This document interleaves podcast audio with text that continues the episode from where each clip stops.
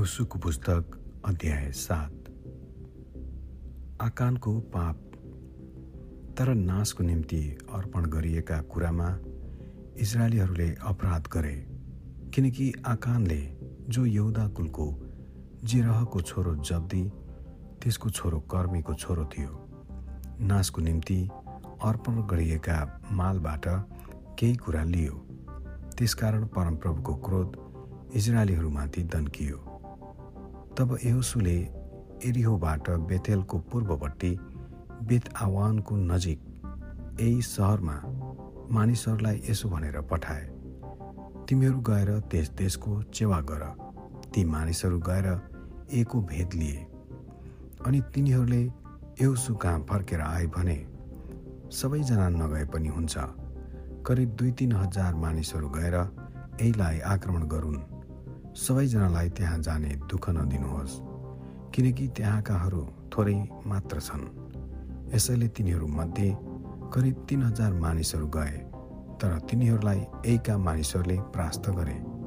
करिब छत्तिसजना जतिलाई एका मानिसहरूले मारे र उनीहरूले सहरको मूल ढोकादेखि सबारिजमसम्म खेदेर ओह्रालोमा तिनीहरूलाई मारे अनि इजरायलीहरूको हृदय डरले गलेर पानी जस्तै भयो। तब यहोसु र इजरायलका धर्मगुरुहरूले आफ्ना लुगा च्यातेर शिरमा धुलो हाली परमप्रभुका सन्दुकको अगाडि भुइँमा घोप्टो परेर साँझ समय बसिरहे। अनि यहोसुले भने हाय परमप्रभु परमेश्वर तपाईँले यस जातिलाई एर्दन तारेर एमोरीहरूका पन्जामा हाली हामीलाई नाश गर्न किन ल्याउनु भयो बरु हामी सन्तोष गरेर एर्दन पारि नै रहने थियौँ। हे परमप्रभु इजरायलीहरूले आफ्ना शत्रुको सामु पिठ फर्काएपछि अब म के भनौँ? किनकि कनानीहरू र देशका सबै बासिन्दाहरूले यो सुनेर हामीलाई घेर्नेछन् र पृथ्वीबाट हाम्रो नाउँ मेटिदिनेछन्। त्यसपछि तपाईँको महान नाउँको खातिरमा तपाईँ के गर्नुहुन्छ? परमप्रभुले यसोलाई भन्नुभयो उठ त किन यसरी घोप्टो पर्छस्? इसरायलले पाप गरेको छ। जुन करार मैले तिनीहरूसँग बाँधेको थिएँ सो तिनीहरूले भङ्ग गरेका छन्। नाशको निम्ति अर्पण गरिएका मालबाट तिनीहरूले लिएका छन्। तिनीहरूले चोरी गरेका छन् र झुटो काम गरेर तिनीहरूले ती तिनका आफ्नै मालमातसँग राखेका छन्। यसै कारण इजरायलीहरू आफ्ना शत्रुको सामु अब खडा हुन सक्दैनन्। तिनीहरू श्रापित भएका हुनाले तिनीहरूले आफ्ना शत्रुहरूका सामुन्ने पिठ फर्काउनेछन् तिमीहरूले आफ्ना बीचबाट सो नाशको निम्ति अलग गरिएका माललाई नष्ट नपारुन्जेल म अब उपरान्त तिमीहरूसँग रहने छैन। उठ मानिसहरूलाई शुद्ध पार र तिनीहरूले भोलिको निम्ति आफैलाई शुद्ध राख्नु भन्। किनकि परमप्रभु इजरायलका परमेश्वर भन्नुहुन्छ हे इजरायल तिमीहरूका बिचमा कुनै अर्पित माल छ। तिमीहरूका बिचबाट तिमीहरूले त्यो अर्पित माल नफ्याँकुन्जेल तिमीहरूका शत्रुहरूका सामुन्ने तिमीहरू खडा हुन सक्दैनौ।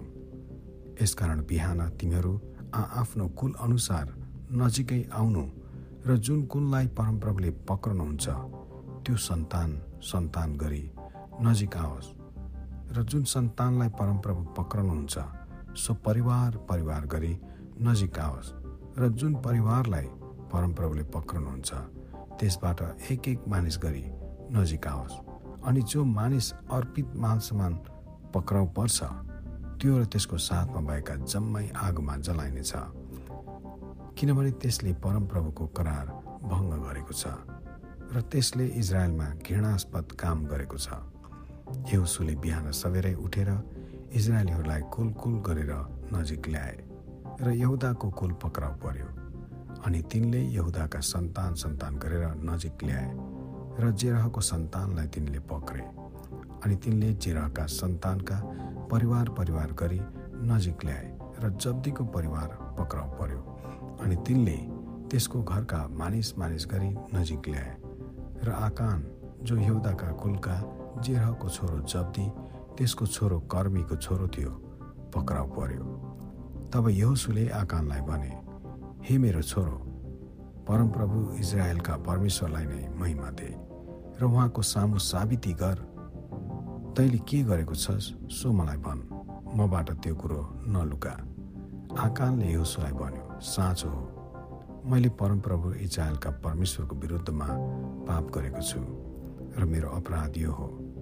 जब मैले लुटेको धनमा बेबिलोनिया देशको एक बढिया ओढ्ने दुई सय सेकेल ओजनको चाँदी र पचास सेकेल ओजनका सुनको एक दण्ड देखेँ तब मलाई लोभ लाग्यो र ती लिए ती मेरो पालको बिचमा जमिनभित्र गाडिएका छन् र सबैभन्दा मुनि चाँदी छ। तब योसुले दूतहरू पठाएर तिनीहरू दगुरेर त्यस पालमा गए र ती त्यसको पालमा गाडिएका रहेछन् र चाँदी चाहिँ सबैभन्दा मुनि रहेछ। अनि तिनीहरूले ती मालहरू पालको बिचबाट निकालेर योसु र सबै इजरायलीहरू कहाँ ल्याए र परमप्रभुको सामु राखिदिए। तब सबै इजरायलीहरूका साथमा यहोसुले जेरा वंशी आकानलाई र सो चाँदी ओढ्ने र सुनको डन्डा अनि त्यसका छोराछोरीहरू र त्यसका गोरुहरू गधाहरू र भेडाहरू र त्यसको पाल र त्यससँग जो जति थिए ती सबैलाई आकोरको बेसीमा लगे। यहोसुले भने तैँले हामी माथि किन यस्तो सङ्कष्ट ल्याइस्? आज तमाथि परमप्रभुले सङ्कष्ट ल्याउनुहुनेछ। तब सारा इजरायलीहरूले त्यसलाई ढुङ्गाले हाने अनि बाँकीलाई ढुङ्गाले हानिसकेपछि जलाइदिए। तिनीहरूले आकानमाथि ढुङ्गाको ठुलो थुप्रो लगाए जो आजको दिनसम्म छँदैछ। तब परमप्रभु आफ्ना जल्दो क्रोधदेखि शान्त हुनुभयो। यसकारण त्यस ठाउँको नाउँ आजको दिनसम्म आकोरको बेसी रहेको छ। Amen.